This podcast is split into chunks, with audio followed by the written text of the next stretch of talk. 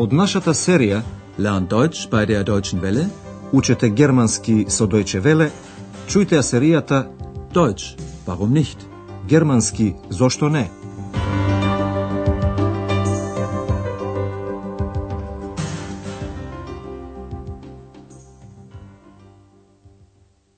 Liebe Hörerinnen und Hörer. Добар ден, почитувани слушателки и слушатели. Чујте ја лекцијата со наслов Што можам да сторам за вас? Вас каних фюзи тун. На рецептијата на Хотел Европа седи Андреас Портирот. Сосема нормален ден. Некои гости ги плаќаат сметките, некои имаат некоја молба, некои прашуваат, например, за некоја улица. Почнуваме со првата сцена. Еден млад гостин на хотелот директно се упатува кон Андреас. Што прашува тој? Guten Morgen. Gibt es hier ein Telefon? Aber natürlich. Kann ich mal telefonieren? Gern. Das Telefon ist hier. Hier bitte. Danke. Zwei, fünf, eins, neun, vier. Becker? Schmidt. Guten Tag, Frau Becker. Дали слушнавте дека младиот човек бара телефон? А сега да го чуеме диалогот подетално. Во почетокот младиот човек прашува. Дали има тука телефон? Gibt es hier ein Telefon? Секој хотел има телефон, одговара Андреас. Ама секако.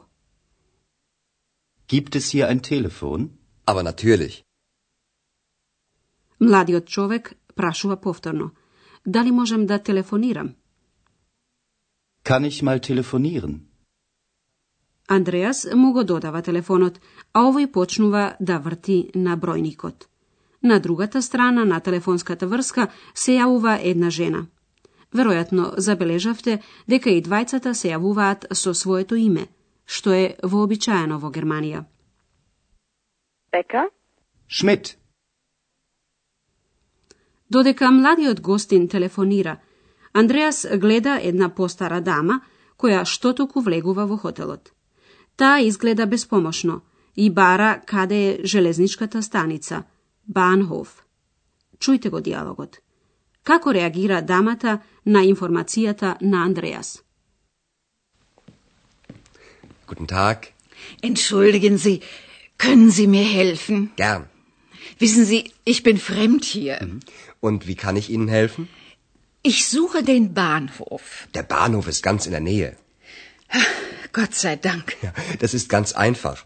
Sie gehen zuerst rechts Zuerst rechts, und dann die zweite Straße die zweite Straße, wieder rechts. wieder rechts. Also, zuerst rechts, dann die zweite Straße wieder rechts. Vielen Dank. Bitte sehr. Постарата дама реагира со олеснување на информацијата на Андреас. Таа вели «Фала Богу». Да го чуеме диалогот поконкретно. Во почетокот, старата дама го прашува Андреас дали тој може да ја помогне. Извинете, дали можете да ми помогнете? Entschuldigen Sie, können Sie mir helfen? Андреас го прави тоа со задоволство. Во почетокот дамата вели дека овде, hier, значи во Ахен, е туѓа, fremd. Знаете, јас сум овде туѓа. Wissen Sie, ich bin fremd hier. Андреас ја прашува како може да ја помогне. А како можем да ви помогнам? Und wie kann ich Ihnen helfen? Дамата вели дека бара железничка станица, Bahnhof. Ich suche den Bahnhof. Андреас одговара на прашањето. Железничката станица е овде, во близина. Der Bahnhof ist ganz in der Nähe. Андреас и го покажува најкусиот пат до железничката станица. Мошне едноставно. Das ist ganz einfach. Жената најпрвин ке мора да оди десно, rechts. Најпрвин одете десно. Sie gehen zuerst rechts? А потоа мора во втората улица, штрасе. А потоа во втората улица. Und dann die zweite Straße? Значи, ке мора повторно десно. Wieder rechts. Пред да воздивне Андреас евеа екс. Очигледно дека е расположена да се шегува со жената и да се прави тугинец. Обидете се да разберете што бара екс. Entschuldigen Sie, können Sie mir helfen? Aber gern, gnädige Frau. Wissen Sie, ich bin fremd hier. Was kann ich für Sie tun? Ich suche Freunde. Ach so. Gehen Sie zuerst links, dann rechts, dann wieder links, dann immer geradeaus. Geradeaus. Geradeaus. Екс вели дека бара пријатели. Да го слушнеме диалогот уште еднаш. Екс почнува со истото обраќање со кое старата дама го започна разговорот со Андреас. Извинете, дали можете да ми помогнете? Entschuldigen Sie, können Sie mir helfen? На учтивото обраќање со Зи, Андреас веднаш забележува дека Екс сака да си игра со него. Тој се впушта во играта, ословувајќи ја со почитувана господјо. Aber gern, gnädige Frau. Андреас исто така продолжува да прашува учтиво. Што можам да сторам за вас? Was kann ich für Sie tun? Екс му вели. Јас барам пријатели. Ich suche Freunde. Кој знае веќе како да оди за да најде пријатели? Андреас му опишува еден долг пат. Најпрвин лево, линкс, потоа десно и само право, geradeaus.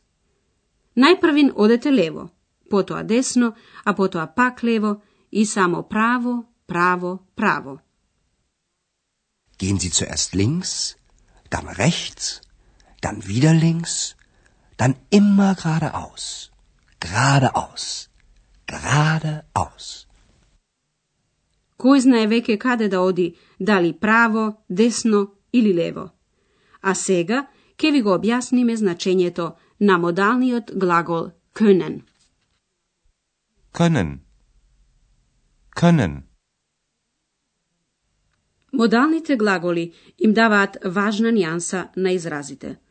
Können во нашите примери го истакнува следново. Прво дозвола. Се употребува кога се прашува дали може, на пример, да се телефонира. Kann ich mal telefonieren? Второ, можност.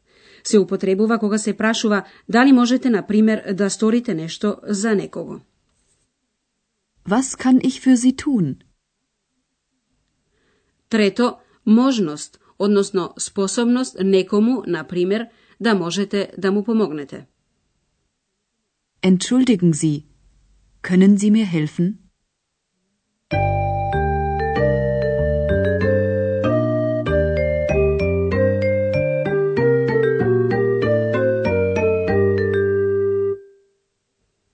На крајот да ги повториме трите диалози.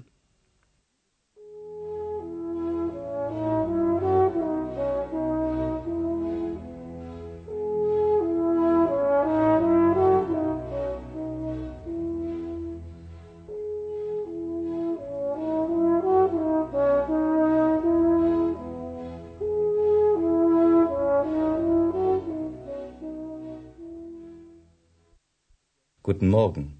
Gibt es hier ein Telefon? Aber natürlich. Kann ich mal telefonieren? Gern. Das Telefon ist hier. Hier bitte. Danke.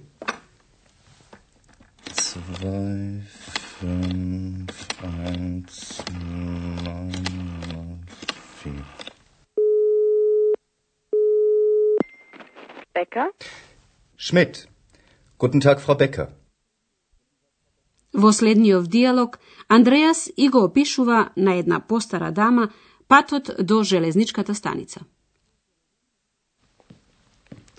Guten Tag. Entschuldigen Sie, können Sie mir helfen? Gern. Wissen Sie, ich bin fremd hier. Und wie kann ich Ihnen helfen? Ich suche den Bahnhof. Der Bahnhof ist ganz in der Nähe. Gott sei Dank. Ja, das ist ganz einfach.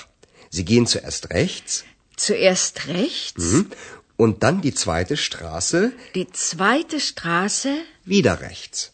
wieder rechts. Also, zuerst rechts, dann die zweite Straße wieder rechts. Vielen Dank. Bitte sehr. Исто така и екс бара некој си пат. Entschuldigen Sie, können Sie mir helfen? Aber gern, gnädige Frau. Wissen Sie, ich bin Fremdtier. Was kann ich für Sie tun? Ich suche Freunde. Ach so. Gehen Sie zuerst links, dann rechts, dann wieder links, dann immer geradeaus, geradeaus, geradeaus. Toliko za deneska i do slušanje do narednata lekcija. Tschüss. Тоа беше германски «Зошто не?» радиоговорен курс на Херат Мезе во продукција на Дојче Веле и на Гетовиот институт од Минхен.